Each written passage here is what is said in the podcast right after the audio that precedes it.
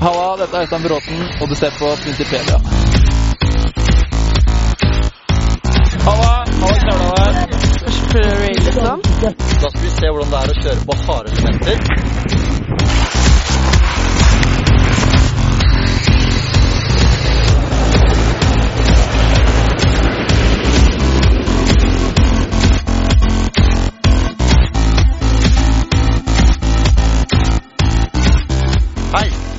Mitt navn er Fridtjof Fredriksson, og velkommen til Twintipedia del 2.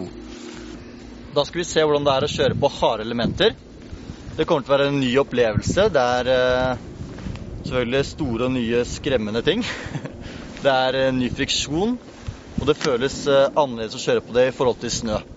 Det som er viktig å tenke på da, er at man kan finne en bred og stor, trygg boks i starten. Kjøre rett frem på den for å kjenne på hvordan dette føles.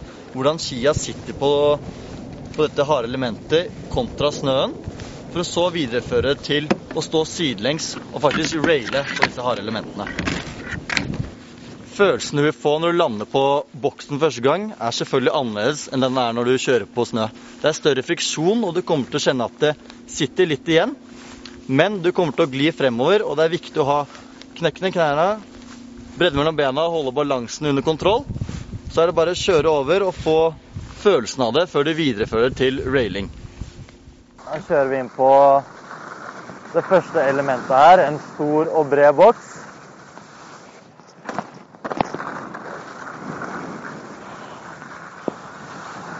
Du kjenner friksjonen er eh, større enn den er mot snøen. Den er fortsatt ikke så stor at vi stopper helt opp.